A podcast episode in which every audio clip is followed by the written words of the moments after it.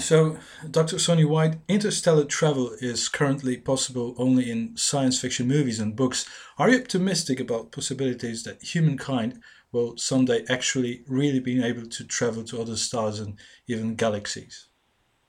Well, that's uh, that's actually a, an excellent question. Um, certainly, I'm very interested in trying to uh, pursue that question. Uh, you know, to reduce it to practice, so to speak. Uh, but um, you know, currently there's quite a bit of scientific work we, we would need to do first in order to use some of the ideas that I've talked about uh, in the uh, in the literature. Um, and so that's you know some of the reason we're talking today is is to discuss if we wanted to do some kind of an interstellar mission and we didn't want to take um, thousands of years or uh, hundreds of years to get there. Uh, what if we wanted to get somewhere really, really quickly? How would we do that? And so there might be some ways for us to do that. But before we can say with authority that, you know, hey, we, we can do it, we have some science we have to do in the laboratory first. Um, so certainly I'm very interested in it. And, you know, general relativity uh, is, uh, has been uh, uh, worked on quite a bit over the last uh, uh, good number of decades. Um, and it's well understood. And so the mathematics predicts that some of these things are possible. And so, in my mind, the question is, you know, how at, at what point uh, can we maybe bridge the gap between mathematics and application and actually do something in the lab that suggests we can maybe do an interstellar mission uh, within a human lifetime? And whether you know whether that's something that's 50 years in the future or 500 years in the future, you know, I, I couldn't say, but I think it's you know it's worthwhile uh, uh, right now. Um, uh, in, in in some ways, uh, I'm gonna I'm gonna get a little philosophical on you. Um, you know, think back to uh, when the um, the great cathedrals were built were built, right? Uh, the folks that worked on the foundation uh, may not have lived to see you know the rest of the uh, the cathedral get built, uh, but they had to do their part uh, for the next group of folks to be able to do their part. So uh, whether it's you know whether the future of you know a space warp uh, idea uh, is something that could be you know 20 years in the future or 200 years in the future. We I think we need to pursue the science uh, to see if we can bridge the gap uh, from science to application. Uh, at NASA, you recently reported that you're again researching the possibility of the so-called warp drive. So, could you explain to our listeners in, the, in plain English, if possible, how does it work, warp drive? Well, so um, you know, let me uh, let me set the stage to kind of uh, articulate how difficult interstellar space flight is first, uh, and that kind of that helps people understand why you know why you might want to think about pursuing uh, this type of physics. Um, you know, the Voyager One spacecraft uh, has been in the news quite a bit lately, and it's um, uh, it's been it's been uh, getting to a point in the solar system where it's potentially reaching what's called the kind of like the heliopause, where the, the sun's magnetic field kind of runs into the, the interstellar medium. And so it's been in the news a little bit lately, and it's arguably, you know, you would probably consider this state of the art from an interstellar probe perspective, right? The best we've done to date. So Voyager 1 was launched, you know, back in the 70s, uh, late 70s, and it went on a, a tour of all the, the, uh, the, uh, the gas giants and sent back some great imagery. Um, uh, and it's been on its journey now for uh, a number of decades, and it's out at around 120 astronomical units. And that's, you know, one astronomical unit is like the distance from the Earth to the Sun. So if you if you were to create a measuring stick and then lay that out end to end 120 times, that's how far out uh, the Voyager 1 spacecraft is. Uh, now, if we were to calculate how long it would take this spacecraft to make it to one of our nearest neighbors, you know, say Proxima Centauri, which is right around 4.3 light years away. Uh, if Voyager 1 happened to be pointed in the right direction, it would still take 75,000 years to get there. Right, so interstellar distances are just unbelievably large compared to anything we've done to date. Uh, and then the other constraint that we have for getting somewhere that, that, gets into interstellar distances is, you know, what I like to call the the eleventh commandment: "Thou shalt not exceed the speed of light." So, what if we wanted to get somewhere really quickly, right? What if we wanted to get to, you know, Alpha Centauri in a matter of months or weeks, uh, but we, we wanted to make sure we observed uh, the 11th commandment. Uh, now, we know um, that inflation, uh, the expansion and contraction of space, uh, is, is a real phenomenon. When we look at the light from stars in distant galaxies, when we see that light, it has been redshifted uh, because the space between us and that star has been expanding uh, since the Big Bang. So we know inflation is a real phenomenon, and we know from general relativity that space does not have a speed limit. It can expand and contract uh, as fast uh, as it wants to. And so it was this idea that uh, motivated uh, Miguel Alcubierre to publish a paper in the mid 90s that kind of used this loophole uh, to potentially go somewhere really fast. You know, for example, Alpha Centauri in two weeks. Uh, and he put out a paper that uh, uh, described the idea of a space warp that would allow you to go somewhere really quickly. And so, science fiction, when people use the idea of a, a warp drive, that's kind of building on uh, that type of an idea where you can expand and contract space in such a way that it allows you to go somewhere uh, very, very quickly uh, without ever locally breaking the speed of light. Uh, now, when I talk about uh, in expansion and contraction of space or inflation, kind of like a, uh, uh, an everyday example I give people to help them understand the principle. Um, I, I, don't know if you guys uh, eat raisin bread over there very much. You guys, you guys have raisin bread or something that has like some type of fruit in the bread. Yeah, so you know, if you think about uh, cooking a loaf of raisin bread, right? When you put the uh, when you put the dough in the pan, uh, and this dough has uh, you know the raisins that are all kind of spread around in the dough. Uh, um, you know, the, the raisins can't move very quickly through the dough because it's very thick, and so they're they're very uh, they could never move very quickly if they tried. Uh, however, when you cook the dough, right, the, the bread will rise, right, and so that bread will expand and fill the pan, and um, the uh, raisins, if you look at uh, if if you look at the what's going on from the perspective of one raisin, all the other raisins would be would appear to be moving away from the raisin. So that's kind of like an everyday example of the idea of inflation in terms maybe we can relate to. So um, let, let, me kind of pause there and, and let you uh, ask some, some questions, and we can get into the, the energy requirements in a second if you'd like. Well, uh, I would like to know how far are you, I mean, NASA, with this warp drive project? And do you intend to build anything and test drive it in, in, in practice? Or what are what are the possibilities anyway? Mm-hmm.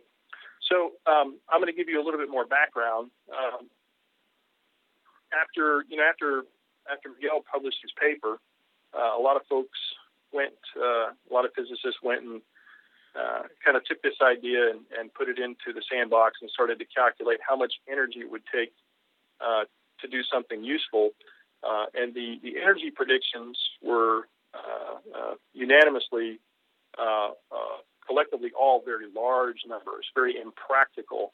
one of the common numbers quoted in the media or in the literature is to do something useful with a space warp or a warp drive.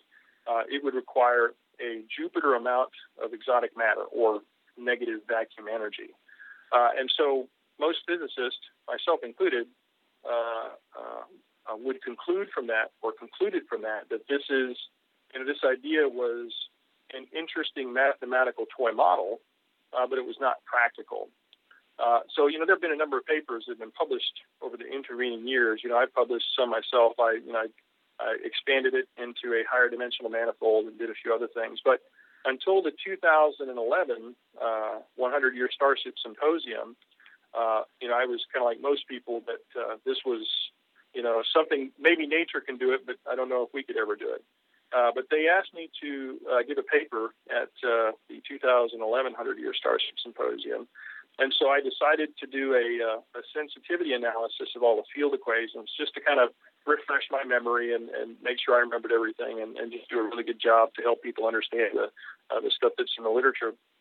And so, in the process of doing the sensitivity analysis, uh, it, very early on, it was obvious that I had discovered something that there was there was a way to reduce uh, the amount of energy required uh, to implement uh, uh, um, a warp bubble. Right, the term bubble comes from when you interpret Miguel Alcubierre's math. It ends up being the the shift that's necessary to try and manifest that in practice.